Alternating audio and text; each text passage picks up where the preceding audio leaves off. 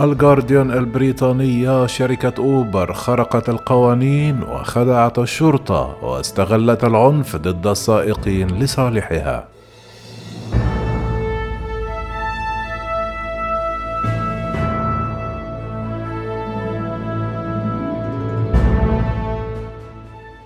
اعترف مارك مقهان وهو رجل ذو تاريخ كبير في مجال العلاقات الحكومية وجماعات الضغط بأنه وراء تسريب مائة وأربعة وعشرون ألف وثيقة من أوراق شركة أوبر للصحافة. كانت مجموعة صحف حول العالم قد تشاركت في نشر الوثائق التي تكشف أن عملاقي خدمة النقل الأمريكية قد خرقت القوانين وخدعت الشرطة واستغلت العنف ضد السائقين لصالحها وضغطت سرا على قادة حكومات وسياسيين أثناء توسعها حول العالم من بينهم جو بايدن الرئيس الأمريكي الحالي وأولاف شولتز وإيمانويل ماكرون. ذكر الرجل البالغ من العمر 52 عاما أنه فعل ذلك لإيمانه بأن شركة أوبر قد خالفت القوانين في دول عدة حول العالم وأنها خدعت العامه بشأن الفوائد المزعومة لنموذج الاقتصاد التشاركي الذي تروج له. عمل الرجل ويدعى مقان مع أوبر بين عامي 2014 و 2016 كان مسؤولا عن قيادة جهود الشركة لإقناع الحكومات بالسماح بأنشطتها في أكثر من أربعون دولة. قال مقهان لصحيفة الجارديان البريطانية أنا جزئيا مسؤول. أنا الشخص الذي كان يتحدث للحكومات أنا الذي كنت أنشر وجهة نظر أوبر للإعلام أنا الذي كنت أخبر الناس أن عليهم تغيير القوانين لأن السائقين سيستفيدون من الفرصة الاقتصادية الجديدة. كما أضاف لقد تبين لي أن كل هذا كذب ولا سبيل لإرضاء ضميري سوى بالإقرار بدوري فيما يحدث للناس اليوم.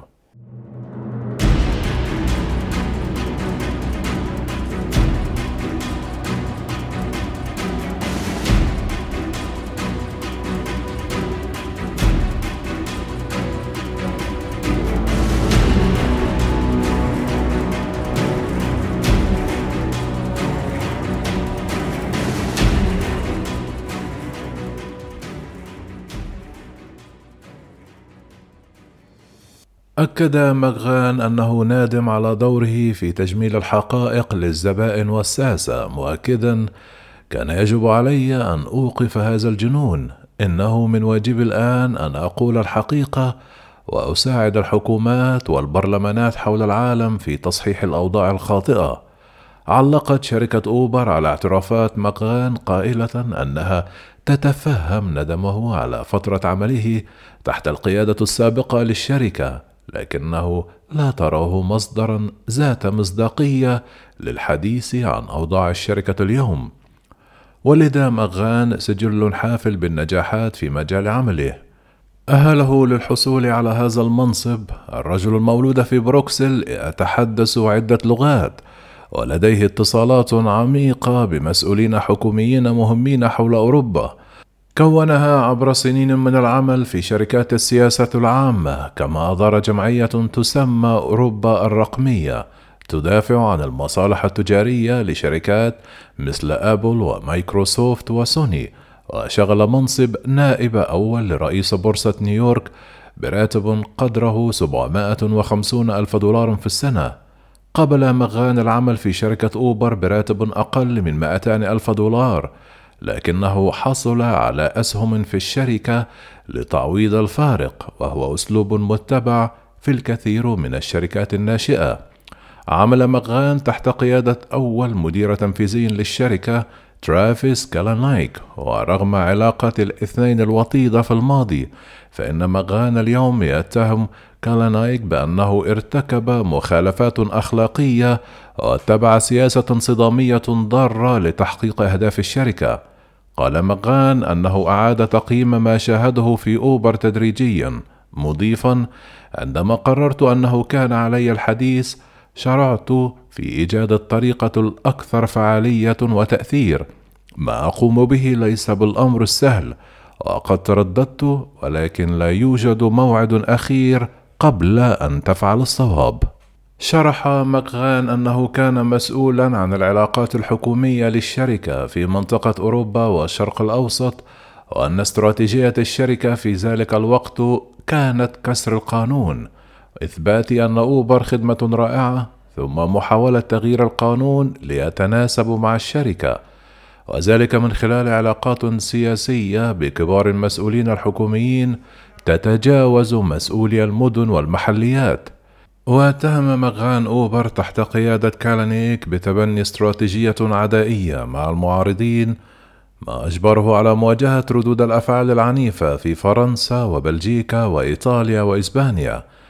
قال مغان أنه شعر بتهديدات لحياته واضطر لمصاحبة حارس شخصي لضمان أمنه وأنه أصيب بإضطراب مع بعد الصدمة خلال عمله بالشركة. يروي مغان عن أول يوم عمل له في الشركة حين استقل سيارة أوبر من مطار لندن وقتها.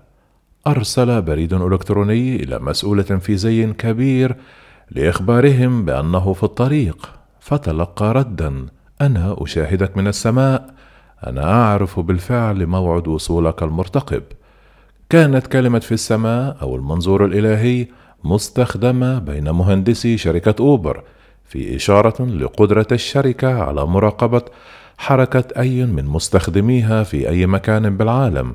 قال بغان شعرت وقتها بأنهم مجموعة من الأطفال الذين يلهون بأدوات مراقبة شديدة الخطورة بحد تعبيره وأقرت أوبر بأن استخدام المنظور الإلهي كان خطأ وأنها توقفت عن استخدامه منذ عام 2017 تظهر الوثائق مغان في صورة المعارض أحيانا لسياسات أوبر وإن كان معارضا لينا وضالعا في كثير من الأحيان في تنفيذ سياسات أوبر التي ينتقدها.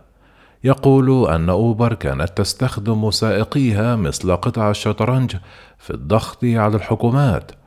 وتوضح الوثائق أنه شجع مسؤولي الشركة في أمستردام على تسريب قصص للصحافة حول تعرض السائقين للعنف ويؤكد أن الشركة كانت ترى في إضراب سائق أوبر لإغلاق الشوارع في المدن الكبرى مثل برلين وبرشلونة أمرا إيجابيا وأن كل حوادث الفوضى والعنف التي تنتج عن صدامات أوبر وسائق التاكسي كانت تصب في صالح الشركة. توضح الوثائق أن المدير التنفيذي للشركة في ذلك الوقت كان يقول العنف يضمن النجاح. تعرض مغان لاستهداف شخصي في أكثر من مناسبة خاصة في بلجيكا حيث تظاهر سائق التاكسي أمام منزله وهددوا أمنه الشخصي. كما نشروا صورا له على الفيسبوك تظهر أنهم يراقبون تحركاته. تظهر الوثائق أن أوبر عينت حراسة شخصية صاحبة مغان لأكثر من 600 ساعة في بلجيكا فقط. وفي العام نفسه استقال مغان من الشركة وحافظ على علاقة جيدة معها حيث منحته أوبر منصبا شرفيا وسمحت له بالاحتفاظ بالكمبيوتر والهاتف المحمول وإيميل الشركة. كما فسر مغان قراره بالإنقلاب عليها بتدهور صحته النفسية خاصة بعد وفاة صديق مقرب وأكد أنه تعرض لعلاج نفسي مطول جعله يراجع قراراته الحياتية ويعيد تقييم الفترة التي قضاها مع شركة أوبر.